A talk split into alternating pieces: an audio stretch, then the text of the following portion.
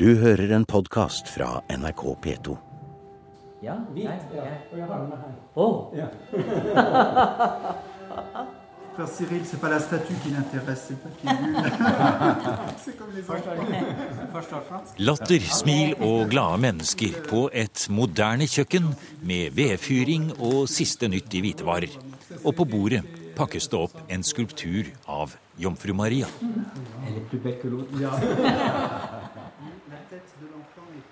Vi er både i vår egen tid og samtidig dypt inne i middelalderens klosterliv når vi besøker Munkeby Mariakloster ved Levanger, drøyt åtte mil nord for Trondheim. Eh, Det har altså gått en hovedvei fra Nidaros til Stiklestad like her. Eh, Og den har gått eh, tvers over en gammel ferdselsvei fra Levanger, som jo var en eh, betydelig by eh, i tidlig middelalder. Eh, Og derfra gikk det en vei inn til Sverige. Så det har vært ferdselsveier like her hele tiden. I dette programmet skal vi starte i de gamle klosterruinene på Munkeby. Vi skal også besøke Tautra før vi tar oss gjennom reformasjonen og lander i vår egen tid, til det helt nye kapittelet i norsk klosterhistorie som vi finner innenfor dørene i dagens sistersienserkloster på Munkeby. Og den som skal lede oss gjennom alt dette, er forfatter, teolog og idéhistoriker Carl Gervin. Fortidsminneforeningen som eier ruinen er veldig fornøyd med at vi nå får restaurert den. Vi ser at en del av murene her på ø, ø, nordsiden er ferdige, men det gjenstår jo en god del enda. Dette er jo en veldig stor eh, ruin. altså Det er en stor klosterkirke. eh, og eh, det tyder jo på at når sistersienserne kom hit, så hadde de tenkt å bli her. Altså Denne er jo bygget for en stor kommunitet, et stort fellesskap. Eh, og samtidig så er jo dette liksom eh, sistersiensernes eh, typiske sted å, å slå seg til. I en vakker dal med en elv som renner like forbi, eh, og hvor man kunne da lage vannledning eh, fra elven og inn, så man fikk innlagt vann f.eks. i klostergården i klostrene eh, og på kjøkkenet. Men de var ved en av verdens utposter mot eh, nord her allikevel. Ja, altså Etter at de eh, var grunnlagt i 1098, så spredte de seg som ild i tørt gress ganske snart, eh, og over hele Europa. Etter hvert kom de også til Norge, men lenger nord kom de ikke. Og eh, Munkeby her var det nordligste kloster i denne ordenen. Og eh, samtiden sa at dette var et kloster ved verdens ende.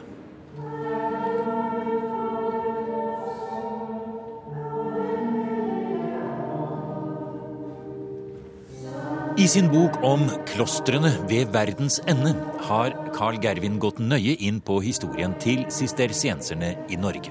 Og Der forteller han om Lyse, Nonneseter, Hovedøya, Munkeby og Tautra.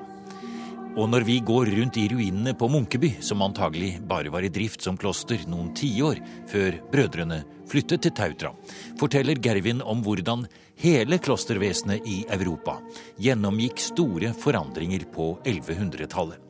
Det kom en reaksjon mot de mange benediktinerklostrene, som hadde fjernet seg ganske langt fra de opprinnelige idealene. En slik utbrytergruppe av munker hadde slått seg ned i Citeaux i Frankrike, og de ble kalt sistersiensere etter stedet de slo seg ned. Men, sier Gervin, det var først da en ny gruppe munker, som hadde streifet omkring i ødemarken, ledet av mannen som senere ble Sankt Bernhard, at sistersienserordenen ble en stor bevegelse som spredte seg raskt over hele Europa. Det var nesten som en opprørsbevegelse. Ja, det er noe vi ville kanskje sagt grønt over det. Det var en sånn tilbake til kildene og det enkle liv. Til basiselementene i, det kristne liv. Og sånn sett ganske riktig en, en, en type opprørsbevegelse. Og øh, etter at Sankt Bernhard var kommet sammen med sine øh, slektninger og venner, øh, så begynte det å gå bedre, og etter hvert tok det fullstendig av. Det spredte seg som ild i tørt gress, og det ble etter hvert sistersienserkommuniteter over hele Europa. Sistersienserne bygget opp en fast organisasjon. De hadde noen sånne dokumenter i bunnen som de skulle følge, og det skulle altså være det samme liv i alle disse klostrene. De bygget på Benedikts klosterregel. De hadde noe de kalte Carta Caritatis, som altså er kjærlighetens charter, som bestemte at vi skal gjøre det helt likt i alle våre mange klostre, og det skal skje med kjærlighet.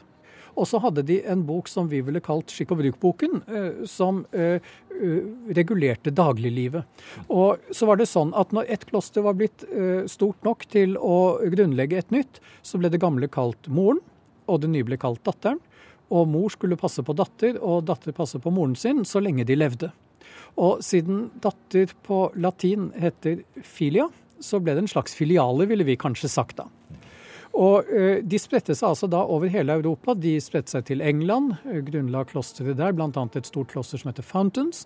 Og Fountains eh, grunnla etter hvert lysekloster utenfor Bergen. Og en datter av Fountains grunnla eh, Hovedøya. Det som er spennende, det er at vi ikke vet hvem som grunnla Munkeby. Munkeby er på mange måter et mysterium.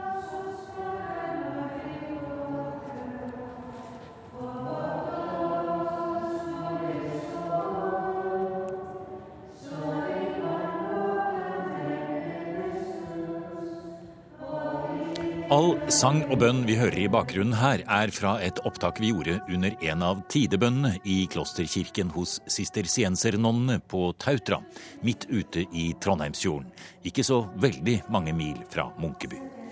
Og før vi vender tilbake til Munkeberget og vår avtale med brødrene der, oppsøker vi også på Tautra de flotte ruinene som står igjen fra den imponerende klosterkirken og musikken her er vinden som feier gjennom ruiner og stillaser. Vi kan gå gjennom der, men det er bedre å gå her. Ja. Her, kan det være ganske glatt.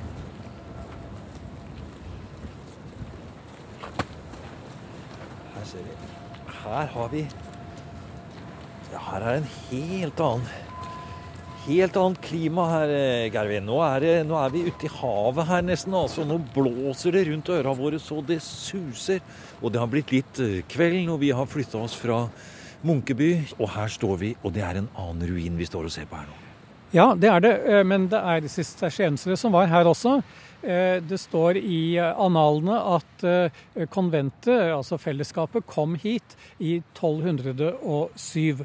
Eh, og det står at det ble etter hvert eh, lysekloster som skulle ha tilsynet. Eh, men det var altså slik at eiendommen inne i Munkeby etter hvert tilhørte dette klosteret her ute. Og det vi står og ser på nå, er, er klosterkirken mot kveldshimmelen. Det er jo veldig flotte ruiner. Og fra kirkeporten her, så kan man altså nå da, eller fra hovedinngangen i vest, så kan man nå se utover mot Nidaros. Og man kunne faktisk se munningen av Nidelven fra eh, klosterkirken her. Og det er nesten som vi skulle tro det var noen klokkespill eller noe sånt her, men jeg tror det bare er vinden som uler gjennom Riksantikvarens eh, stillas, ja, det er det. Som står der med rør oppover mot eh, over tårnet. Å, du hører hvordan det synger i stillaset, for så kraftig blåser det her. For vi er jo egentlig midt i skipsleia her. Ja, enda en gang så, så la de eh, klosteret sitt, disse sistersienserne, eh, påfallende sentralt. Eh, her går jo leia forbi på nordsiden til eh, den indre delen av Trondheimsfjorden. Eh, og dette har ikke vært noen avkrok, det heller. Det er egentlig en påfallende plassering, fordi eh, sistersienserne, som hadde regler for det meste her i verden, sa at egentlig skulle det ikke bygges klostre på øyer. Jaha. Men både Hovedøya og eh, altså Tautra ligger jo notorisk på en øy, da. Ja, det er en utrolig flott uh, historisk stemning vi kommer i når vi står inntil disse murene her og ser rundt oss. Og særlig nå i denne litt skumringstimen hvor vi på en måte går litt i ett med murene her, og det er ingen andre her akkurat nå. Og vi kan stå og fornemme størrelse og kanskje den imponerende store inngangsdøren som må ha vært like ved oss her som vi står nå. Ja, den er stor og imponerende, men, men hvis man sammenligner f.eks. da med eh, inngangen til eh, de flotte menighetskirkene rundt om i Indre-Trøndelag, eller Nidarosdomen for den saks skyld, eh, så ser man jo at her er det veldig nøkternt, veldig nakent. Dette er ikke en kirke man kom til eh, på valfarter, det er ikke en kirke man oppsøkte på de store festdager. Eh, dette var en kirke for de som var her. For dette var en kirke som skulle tjene et formål, og formålet var en innadvendt fromhet som skulle foregå bokstavelig talt bak disse veggene.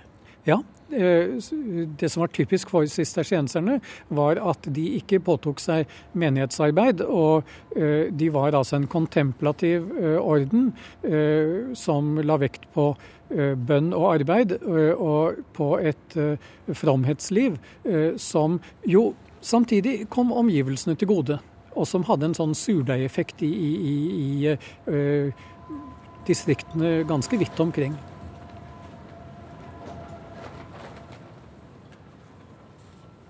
Her er vi plutselig inne i en litt uh, mer stille atmosfære, for her er vi jo på en måte ikke akkurat i kloster, Gervin, men det er på en måte nummer inntil. Ja, dette er et besøkssenter som nonnene laget for noen år siden. Eh, og poenget med det var å uh, fortelle litt om livet i klosteret. Hvordan de lever, hvilken historisk bakgrunn de bygger på. Og så er det en butikk her hvor man kan få kjøpt noen av de flotte produktene de lager, og interessant litteratur. Mm. Og dette er en utstilling du har vært med på å lage, for du samarbeider en del med Sister Sienserne? Ja, jeg gjør jo det. Og jeg har ganske riktig vært med på å lage denne utstillingen eh, sammen med søstrene og sammen med Aud Dalsegg, eh, som eh, har hjulpet til med mange ting også i Oslo domkirke. Eh, poenget her var å vise på disse bannerne som henger ned, eh, den historiske bakgrunnen. Og så på en frise rundt veggen eh, så forteller vi om dagliglivet i klosteret. Fra de står opp litt over fire og til de legger seg en gang ikke så lenge etter klokken åtte om kvelden. Og vi viser hvordan dagen er inndelt i bønn og arbeid, og hvordan tidebønnene jo er ryggraden i klosterlivet. Og hele veien så er det supplert med tekster fra sistersiensernes fedre og mødre, og ikke minst fra Benedikts klosterregel. For sistersienserne ville jo egentlig ikke noe annet enn å gå tilbake til Benedikts regler for det enkle og riktige klosterliv. Betyr det da faktisk at eh, døgnrytmen i dette klosteret her er det samme som det ville vært på f.eks. midt på 1100-tallet, med bønn midt på natten og, og, det hele? Ja, I prinsippet er det det samme. Eh, de står nok opp litt eh, senere på natten enn de gjorde i middelalderen. I middelalderen var de vel i sving med vigilien ved kvart over et halv to-tiden. Her er de i sving Eh, ikke så lenge etter klokken fire. Eh, og så er det en, noen av tidebønnene som liksom er eh, konsentrert for å gi større perioder hvor man kan arbeide på forskjellig annen måte. I noen klostre så kan man snakke fritt sammen, i andre klostre kan man ikke gjøre det. Hvordan er det med sister sienserne? Sistersienserne er en taus orden eh, på den måten at her skal det ikke snakkes i utide. I middelalderen så brukte de mye et tegnspråk. Eh, vi vet at eh, Bernhard kunne kanskje noe sånt som en 350 tegn. Det er det vel egentlig bare de eldre brødrene og søstrene som praktiserer nå. Nå kan man snakke sammen, men, men veldig langt på vei i et sånt kloster hvor mye er regulert med en veldig fast rytme, eh, så klarer man seg uten eh, å snakke sammen.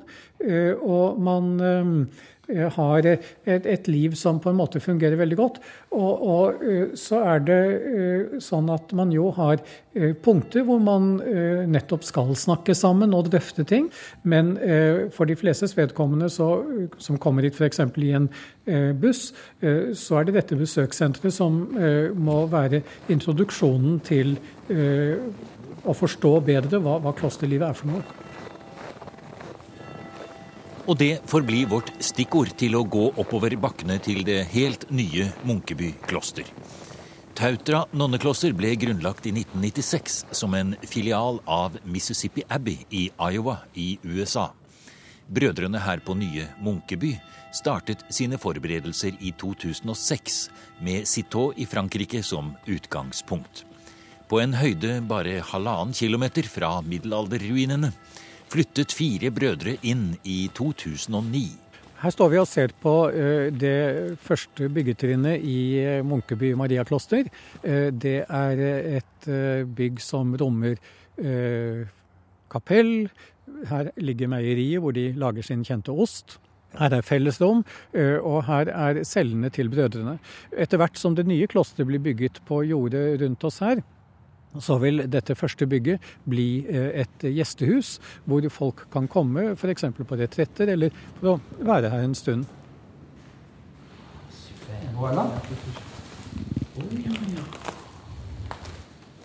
Carl Gervin har i mange år hatt et nært samarbeid med sistersienserne, og vi blir hjertelig mottatt av bror Joel, Bruno, Arnaud og Cyril. Gervin har med en gave fra bildekunstneren Turid Angel Eng til brødrene.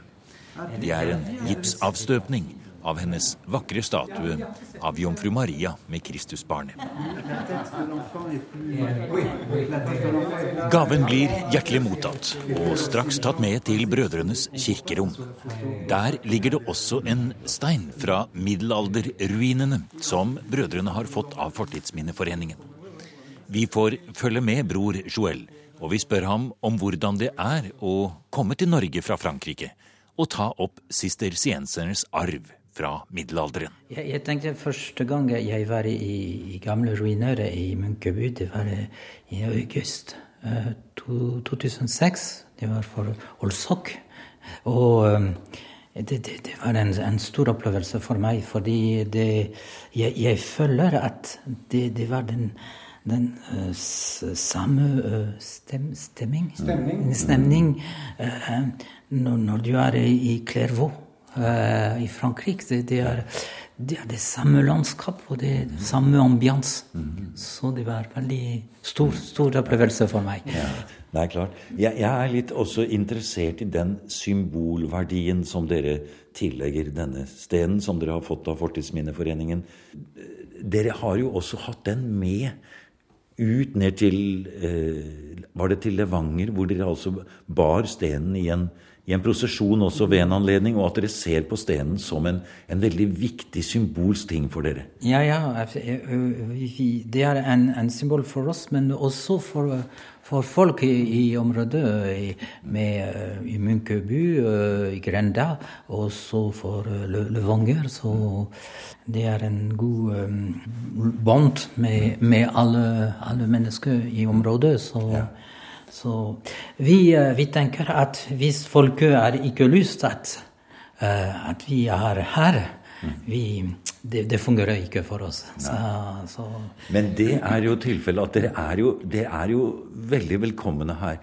Og Carl forteller hvordan også lokalsamfunnet her støtter opp om dere. Og det må vel også være en veldig god følelse å ha.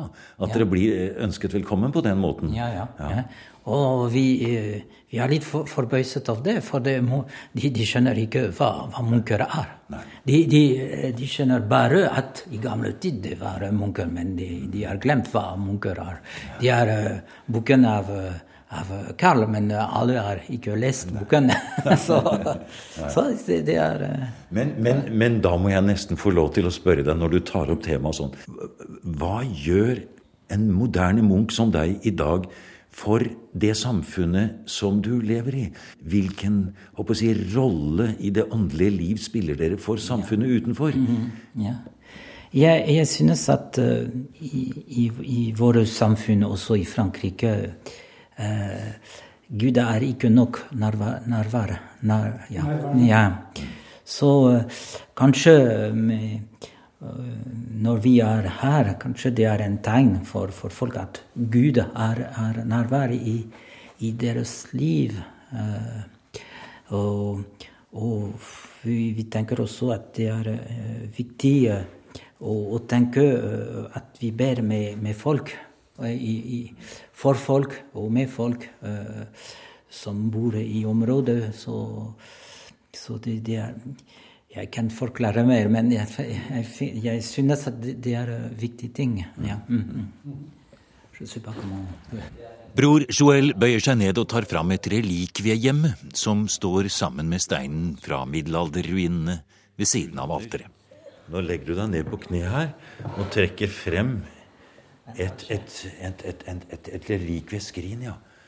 Og det er forseglet, selvfølgelig, med et rødt seil her Det er et eh, Og det er krystallglass til å se inn. Ja, hva skal vi se? Nå kikker jeg inn her. Det, det er en uh, uh, Ryggvirvel. En ryggvirvel. Ja. fra, fra, Robert av Mollem. Det er autentikk. Ah. Robert Mollem, det var den, den grunn, grunnlegger av Cito. Det var det, den første som, som, kom fra Molem til Cito, kanskje. Ah. Han var med i denne gruppen som ikke sant, brøt opp fra sitt ja. benediktinerkloster ja. ja. og dro til dette stedet i villmarken og ødemarken. Mm, eh, så han er en av de store tidlige sistersiensere og grunnleggeren av sitt år. Men kan du forklare for, for, for, nordmenn, vil jeg si, som ikke forstår så godt dette med relikvier hvilken, hvilken betydning har det for dere i troslivet her? Hvor viktig er det for dere å ha denne stående her? Det er en noen, noen ting som uh, menneskelig kontakt. Mm. Fys fysisk kontakt mm. med, med fortid. Og, og, også det er en, en del av kropp. Og, og, vår, og vår, kropp er, er kalt å bli hellig mm. og å bli i oppstandelse. Så det, de er oppstandelse som er i, i, i bakgrunn av det er ikke ma ma magikk. Ma Magikkting. Ja, ja, ja. ja så, så, så, er for oss det er veldig viktig å, å, bli i nærheten av mm. gamle kloster. Mm. Og av en stein, og også relik. Det blir Fordi vi, vi, ja, ja, vi, vi, vi har behov av, av rot. Så, så det er på en måte det, det gir oss rot. ja, ja, det gir oss våre røtter, sier bror Joel om relikvie fra en av grunnleggerne fra middelalderens Citeaux. En annen ting brødrene har tatt med seg fra Frankrike, er den eldgamle kunsten å lage ost. Ora et labora, bønn og arbeid, er en viktig leveregel og på Munkeby mariakloster driver brødrene en liten, men berømt produksjon av oster, basert på teknikkene fra Citeaux, men med melk fra de lokale bøndene i Munkebybygda. Se her. Har du sett så flott? Å, vi kjenner Å, her kommer vi inn. Så flott. Det er fantastisk. Det er så moderne, og osteproduksjon Samtidig så er jo dette en, en gammel, gammel, lang tradisjon. Ja, ja. Ikke sant? ja, ja, ja. ja. Eh, kan du forklare og fortelle litt om osten? Hva slags melk bruker dere? Hvor kommer den fra? Hvorfor gjør dere det? Ja, Det, det, det kom fra naboene. Eh, og de er eh, laget med, med upasteurisert melk. Og så, så de er direkte etter melking. Og så, og det er en natural prosess. Ja. Ja, eh, og her har dere også med dere tradisjonen fra Sito. Ja, ja, det er eh, samme oppskrift av, av Ja. Ja. Okay. okay. Vi kan ikke være her lenger, for det, for det skal være minst mulig fremmede bakterier her. Det er foreløpig bare fire brødre i Munkeby mariakloster. Og sister siensernes regler sier at det må være seks brødre før man formelt sett kan regne det som en ny grunnleggelse. Og først da kan neste byggetrinn settes i gang. Men snart blir det nok flere brødre, sier Carl Gervin. Både internett, e-post og en moderne hjemmeside tas i bruk for å fortelle om Munkeby. Og for å få flere til å oppdage klosterlivet, kan man jo arrangere kurs. Ja, det kan man. Og, og uh, i februar så skal uh, Munkeby arrangere et kurs for uh, unge menn. Der kan man melde seg på, og disse heldige, vil jeg si, får da en innføring i klosterlivet. Både i hvordan det er bygget opp, i tidebønnene. Hvorfor har man tidebønner? Hva er det egentlig man gjør når man samles til tidebønn? Eh, så får man vite litt om lectio divina, altså det vi ville kalt oppbyggelig eller åndelig lesning. Eh, og vi får en innføring i eh, Benedikts klosterregel, som er en, en, en veldig, et veldig spenstig dokument. Men, men, men, kort sagt så altså er det slik at man blir invitert til å bo og være her og leve sammen med munkene og dele, dele deres liv med tidebønner og det hele i en bestemt periode, for å se om dette er noe man kunne tenke seg? da. Ja, foreløpig, siden dette er første gangen, så må vi prøve oss litt frem. Og da snakker vi om en langhelg. Eh, de skal bo eh, på et herberge nedi veien, for klosteret sånn som det står nå, er ikke stort nok til at de kan bo her. Men så er meningen at vi skal stille her om morgenen og være med på hele serien av tidebønner og, og, og dele kommunitetens liv. Og det er jo den beste måten å bli kjent med, med denne måten å, å leve ut sin tro på. Og sier broder Joel, kloster og tidebønner og taushet kan kanskje virke fremmed, men vi er ikke av en annen verden. Vi er mennesker som tar del i samfunnet vi lever i. Vi er også menneske, menneskelige, så vi, vi, går i byen i Levanger for, å, for å kjøpe sand for, for veiene. Ja, eh, for strø. Eh, for, for, så vi har uh, naturell, naturell, kontakt med, med folk. Så, også med oss. Og, og, og, og folk. Uh, kom, kom, til oss også for å besøke, besøke oss og for noen gang for å be med oss. Vi, vi snakker litt. Uh, noen setning, det er nok. Men det, vi, vi, kan snakke med Så det er en Vi er menneskelige. vi er ikke fra den andre monde. Du har nå hørt programmet Museum som podkast fra NRK. Museum sendes i NRK P2 på lørdager og søndager. Du finner flere programmer på nrk.no podkast.